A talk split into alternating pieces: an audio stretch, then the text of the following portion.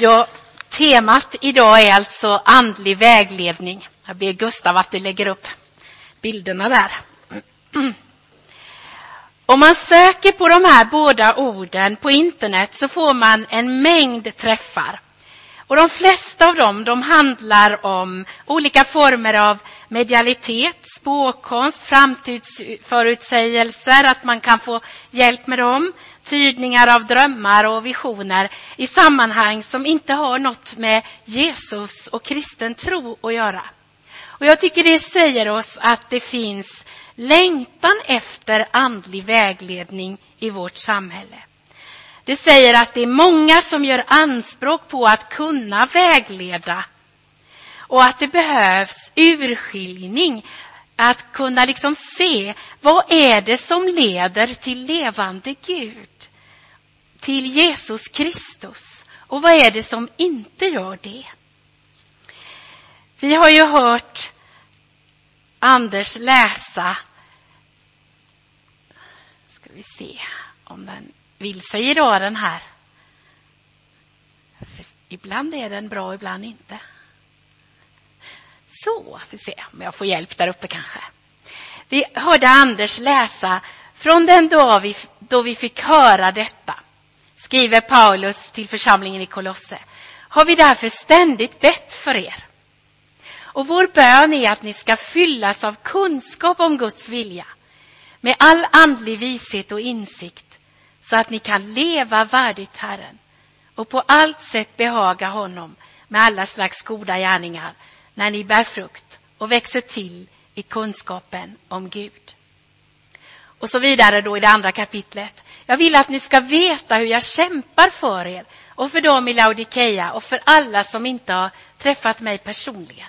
Så har jag gjort lite fet, lite större stil på. För att de ska styrkas i sina hjärtan, förenas i kärlek och nå fram till hela den djupa och rika insikt som är kunskapen om Guds hemlighet, Kristus. I honom finns vishetens och kunskapens alla skatter gömda.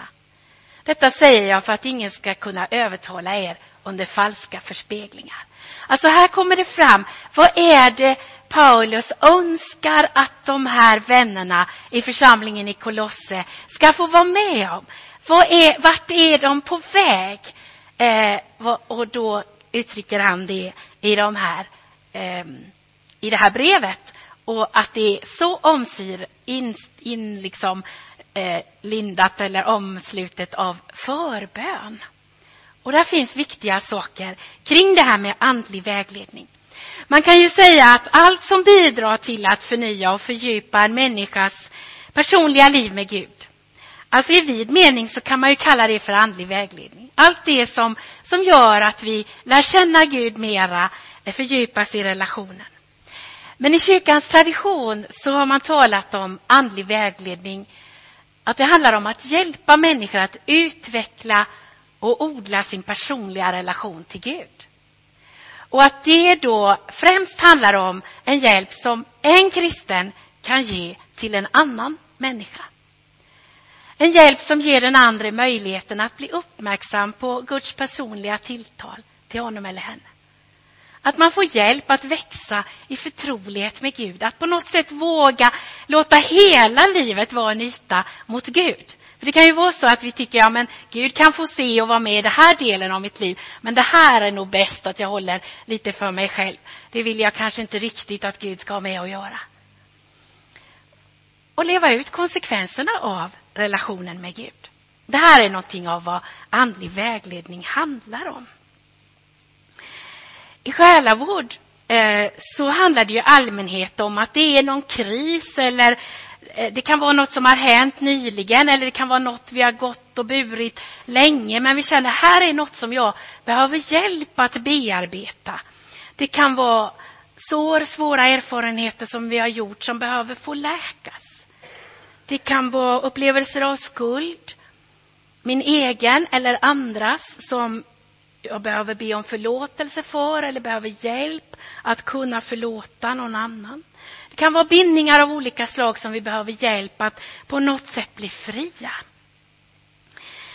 Eh, alltså lite så här problemorienterat kan ju ofta själavård då vara. Men den andliga vägledningen, det handlar om friskvård. Att vi vill ge utrymme för Gud, det behöver inte vara något problem. Utan det kan vara just det här, jag vill att ännu mer av gemenskapen med Gud ska liksom bli naturlig för mig och att jag får hjälp att lyssna vad Gud vill och vad Gud har att säga. Det behöver alltså inte vara något speciellt som har hänt. Men det kan ju vara så att vi gör andliga erfarenheter som vi behöver hjälp att tolka eller hjälp att landa i. Vad betyder det här som jag har varit med om nu för mig och mitt liv framåt? Eller det kan vara så att vi någonstans liksom känner på oss, anar att det är saker som Gud håller på att bearbeta i mitt liv nu. Det är nog steg som Gud vill att jag ska ta. Nya liksom erfarenheter som ligger framför om jag vågar gå ut i dem. Och så kan vi behöva hjälp i ett samtal med någon annan att se och urskilja vägen. Och det är viktigt att komma ihåg eh, att djupast sett så är det naturligtvis Guds ande Guds egen heliga närvaro. Eh, som är osynlig, men som är högst konkret. Alltså det är ju den heliga anden som är vägledaren, hjälparen för var och en av oss att lära känna Jesus. Att växa i att kunna lyssna till Gud, urskilja vad Gud gör i våra liv. Men Guds rike är ju också gemenskap. Gud vill att vi ska eh, liksom behöver varandra. Gud ordnar det så, han ger med glädje någonting till någon för att den ska kunna ge det vidare till nästa. Eh, och så blir det ett nätverk som byggs där vi tillsammans är beroende av Gud och för, får förmedla från Gud till varandra på många olika sätt. Eh, och det är ju Guds tanke med församlingen. Men det är viktigt att se att eh, All, vi har ett ansvar var och en att pröva allt. Eh, ingen ska få ta makten över våra liv. I den här bilden har jag gjort det så här. Det finns en person här som är vägledare, en människa tänker jag, och en annan människa som söker vägledning i den här relationen. Men det är inte så att den som söker vägledning liksom går genom en människa, utan har ju direkt kontakt med Gud. Men människan bredvid kanske har erfarenheter, kan hjälpa till att liksom vägleda i olika frågor. Kan kanske också vara någon som hjälper mig att upptäcka sådana där blinda vinklar som finns i mitt liv där jag inte riktigt ser själv.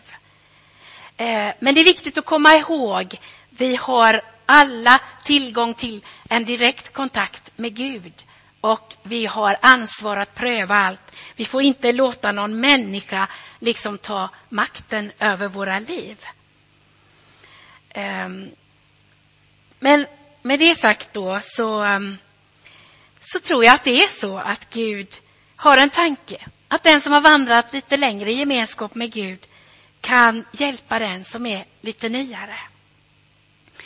Ehm, som Linnea beskrev någon som var några år äldre fick betyda mycket för henne. Och det måste ju inte handla om ålder eller, eller erfarenhet heller, men man kan känna att den här människan har jag förtroende för. Jag tror att hon har ett liv med Gud som på något sätt kan hjälpa mig att upptäcka mer av vem Gud är och vad Gud har tänkt med mig och mitt liv och hur jag ska kunna lyssna in Gud. Det finns en eh, fin berättelse i Nya testamentet där ängeln har besökt Maria och talat om att hon ska föda Jesus. Gud har befruktat hennes liv med ett speciellt liv, ett speciellt uppdrag. Och ängeln säger också att Elisabet, hennes släkting, som är mycket äldre, hon har också blivit gravid. Hon är i sjätte månaden. Och så står det sen att Maria beger sig ganska snabbt till Elisabet. Det är som att hon behöver en plats där hon kan orientera sig i det som har hänt igen och händer i hennes liv nu. Det Gud gör och hur ska det se ut framåt? Och så står det också om att när de där två kvinnorna möts så är den heliga ande på ett alldeles särskilt sätt närvarande där. Barnen liksom sparkar till i dem livet ger sig till känna. Det blir liksom tydligare när de möts. Och jag tycker det är en bild av ett andligt vägledningsmöte där två eller några fler människor möts med en längtan att få leva öppna för Gud och det Gud vill med våra liv. Och som Bengt-Göran var inne på så finns det ju många exempel i Bibeln. Jag plockade bara fram några. Jag ska inte läsa de här texterna. Om du vill göra det så får du väl anteckna eller fråga mig sen vad det var det stod någonstans. Vi har en berättelse om den unga människan Samuel som växer upp i, ett tem i templet i Jerusalem. Där finns Eli som är en gammal präst. Och en dag, en kväll, så ropar Gud på Samuel. Han hör det som en hörbar röst. Det kanske inte så ofta vi gör det. Det kanske är vanligare att det är liksom slags kommunikation inuti oss. Men som vi ändå på något sätt kan lära oss att urskilja att det är annorlunda än bara våra egna tankar. Han förstår inte Samuel att det är Gud som ropar på honom. Så småningom förstår prästen det och börjar vägleda honom att lyssna till Gud. Samuel växer upp. Han eh, blir en Guds profet. Och han får vara med och till exempel se när man söker en kung i landet. Att det är David. Han hör till de yngsta i sin syskonskara och både hans pappa och alla andra de ser de äldre bröderna. Men Samuel ser det är David som Gud har utvalt. Han får liksom se med Guds ögon och hjälpa fram en människa in i det Gud har tänkt.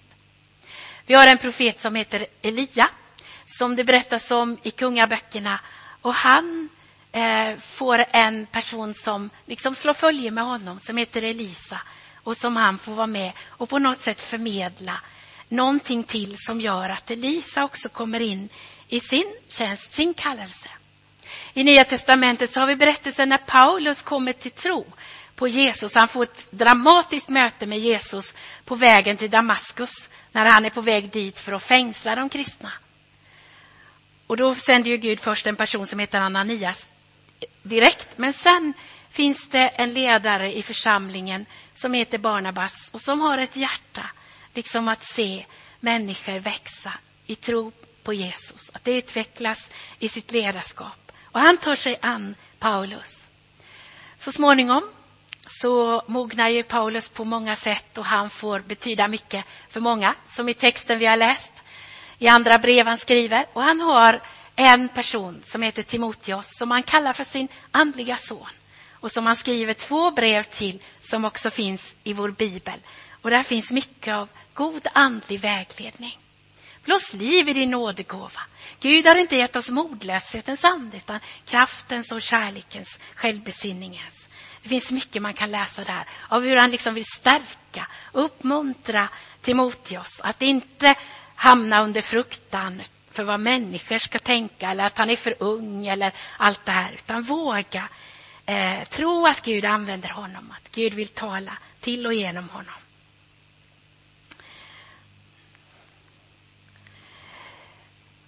Vi, som jag sa, det kan ju vara väldigt mycket som kan fungera som andlig vägledning. Naturligtvis att läsa Bibeln. Ehm, det kan vara goda böcker. Jag tittade lite i min bokhylla och tog med mig en idag. Vi har den inte på bokbordet, men eh, det går ju att ta hem om någon vill ha. Den heter Guds viskningar av Richard Foster och, eh, och har underrubriken att lyssna genom meditativ bön. Och han beskriver själv hur han eh, som ung student, han hade en tuff situation, hans föräldrar, båda hans föräldrar hade dött. Han var tvungen att arbeta mycket samtidigt som han studerade och så engagerade han sig starkt i, i, den kristna församlingen och han var trött, det blev så mycket. Eh, och så är han ute och går en promenad en dag och säger att jag började be klagoböner, lite som klagovisorna i Bibeln. Jag var egentligen inte arg, bara frustrerad. Det var stackars mig-böner. Och så går han där och så till slut så upplever han det som att Gud talar till honom ur stillheten. Och det är första gången han riktigt är med om det här. Så skriver han, det kändes som om Gud sa, du är frustrerad och tycker synd om dig själv. Du tycker synd om dig för att du inte får allt du längtar efter. Men om du är hos mig måste du inte få allt du längtar efter. Hos mig finns den fullkomliga tillfredsställelsen. Om du verkligen är hos mig finns inget bättre ställe som du skulle kunna vara på. Det var allt. Inga löften om att min livssituation skulle förvandlas, inga utfästelser om välstånd, ingen garanti för att något skulle förändras överhuvudtaget. Ändå ledde dessa ord till att frustrationen rann av mig. Att jag kunde lämna självömkan därhän. Jag kom ut ur skogen med en ny svikt i stegen. Jag hade fått ett tilltal, ett personligt, förtroligt tilltal. Den sanne herdens röst räckte mer än nog. Och så skriver han i den här boken lite om hur vi kan på något sätt inrätta våra liv för att ge Gud också en möjlighet att tala.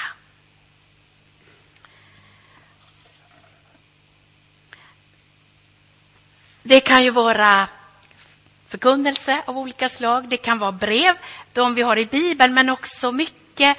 Många brev har skrivits som andlig vägledning genom kyrkans historia. En del av dem har sparats och getts ut och där vi kan hitta mycket också för våra egna liv.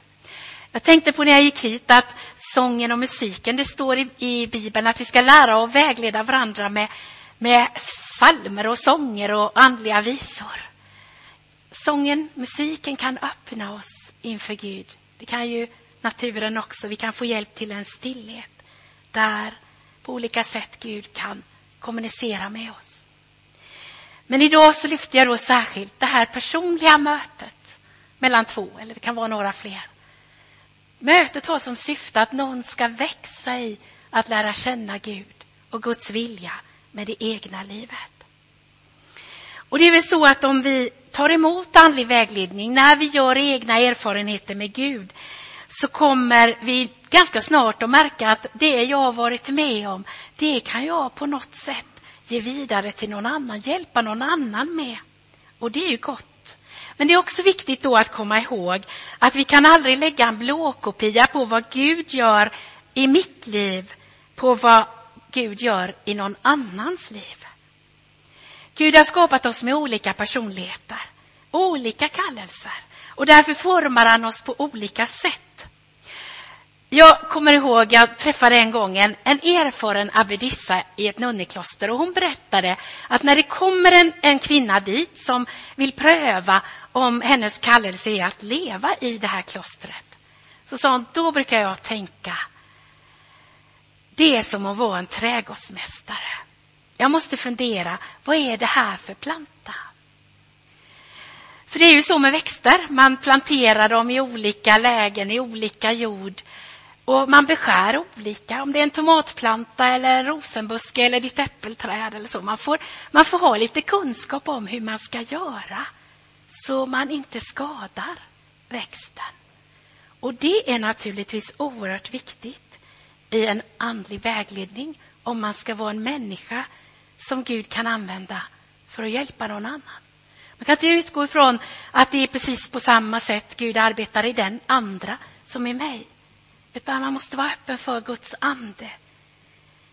Vad är det Gud ser och vill göra med den människan?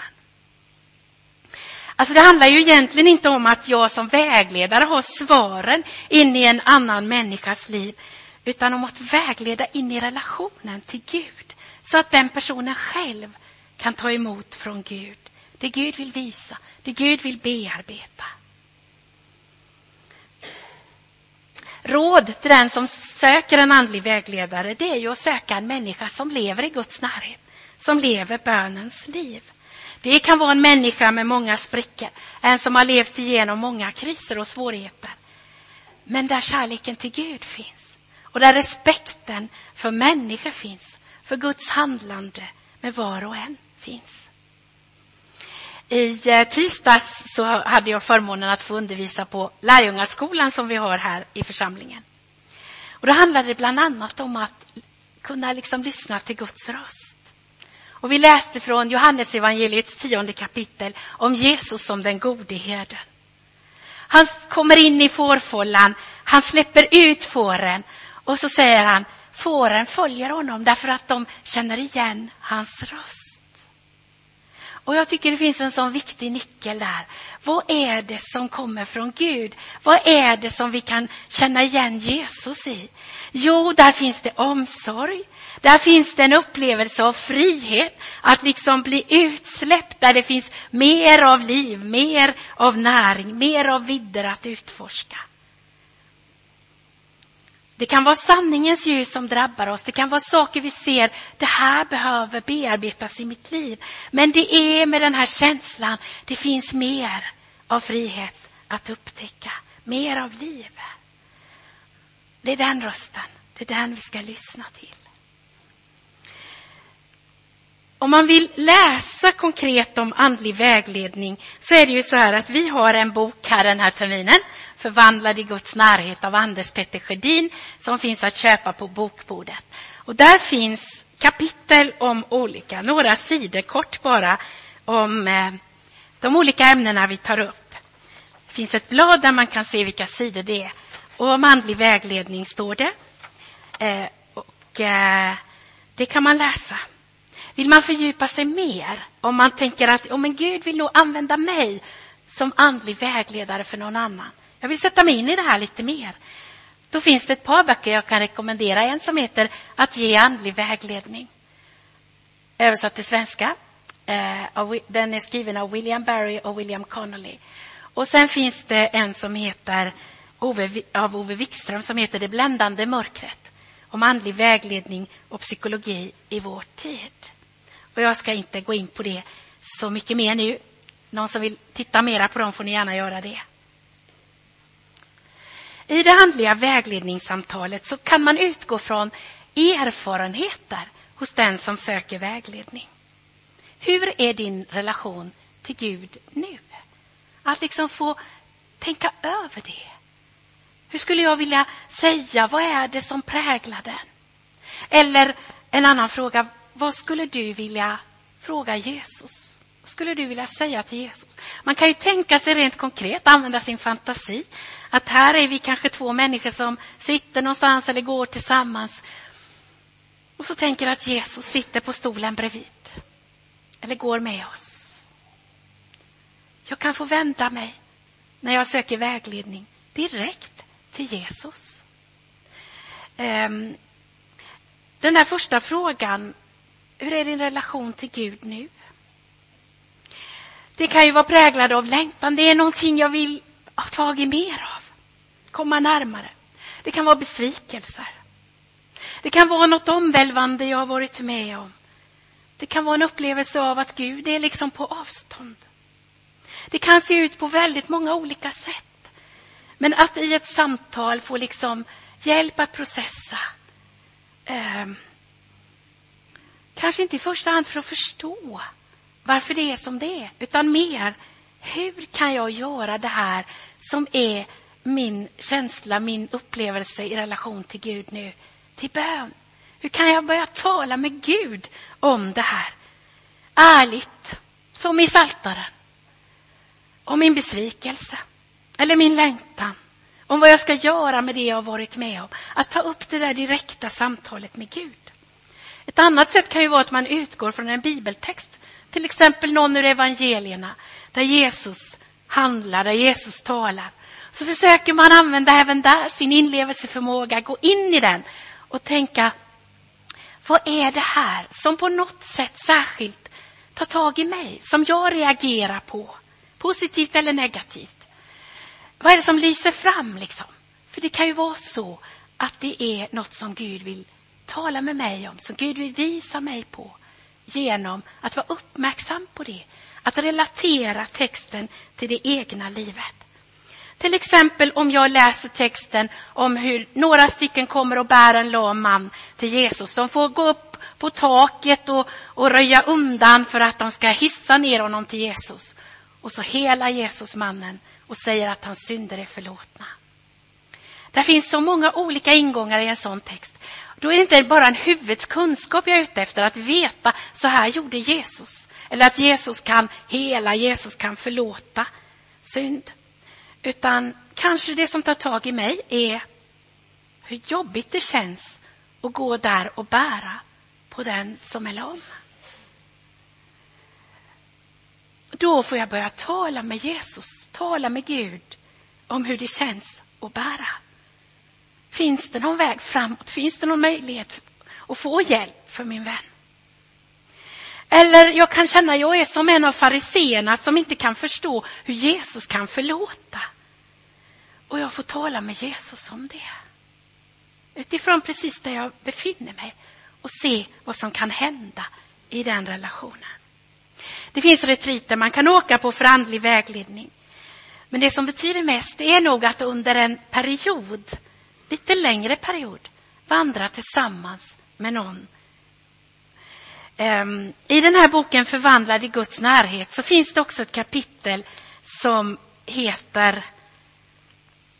Jaha, den kom inte där. Dagbok för den andliga resan.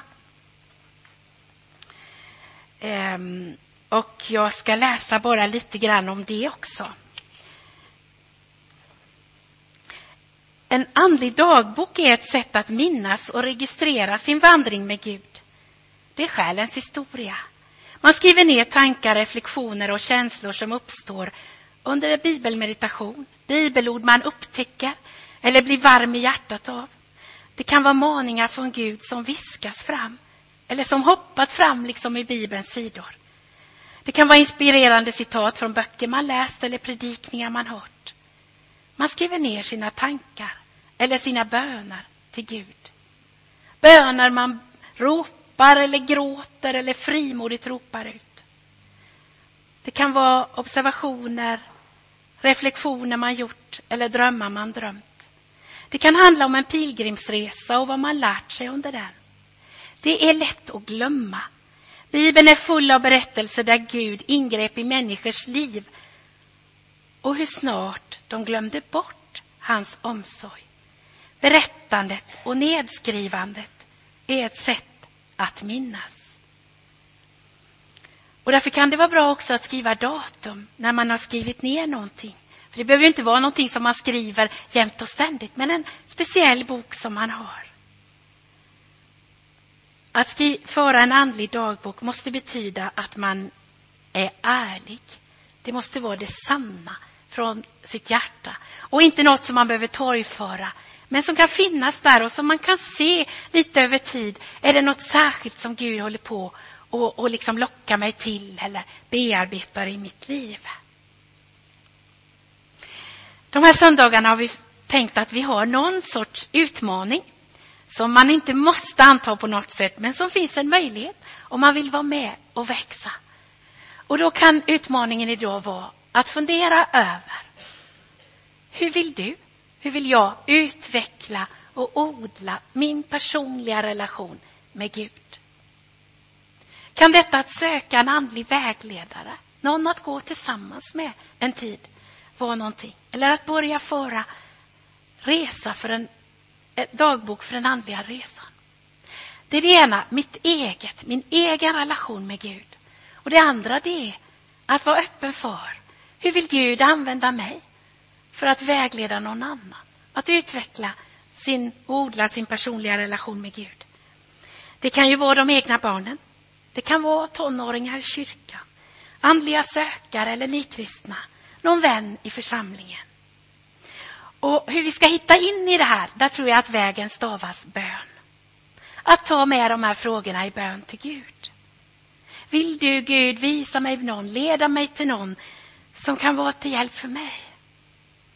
Visa mig Gud, led mig i kontakt om det är någon du vill använda mig för att jag ska vara till hjälp för.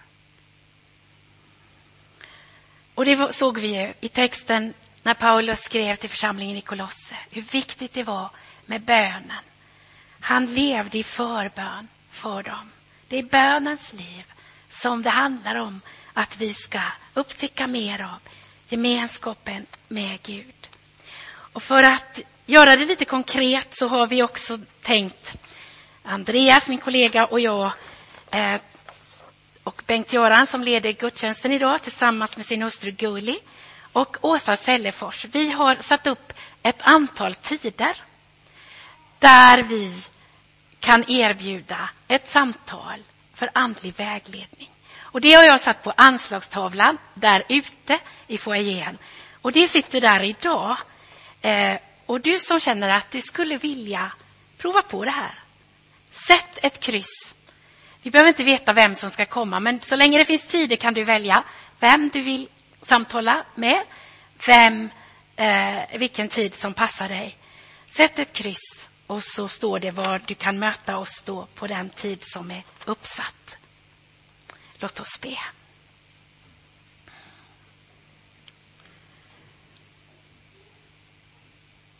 Gud, tack för att du längtar efter gemenskap och närhet med oss. Tack helig att du genom din heliga ande också vill väcka mer av längtan i oss. Att få leva i din närhet. Att få dela allt det som finns i oss, allt det vi är med om med dig. Och också att allt mer kunna få ta in, ta emot det du vill dela med oss. Så att gemenskapen får fördjupas. Att vi allt mer får formas till det du har tänkt med oss som personer, som din församling tillsammans. Tack för att vi får vara lite som Andreas sa förra söndagen, som barn i en lekpark. Vi får, vi får prova nya redskap. Vi får upptäcka mer. Vi behöver inte vara så rädda för om vi inte gör allting rätt. Men du vill föra oss framåt. Och det tackar vi dig för. Amen.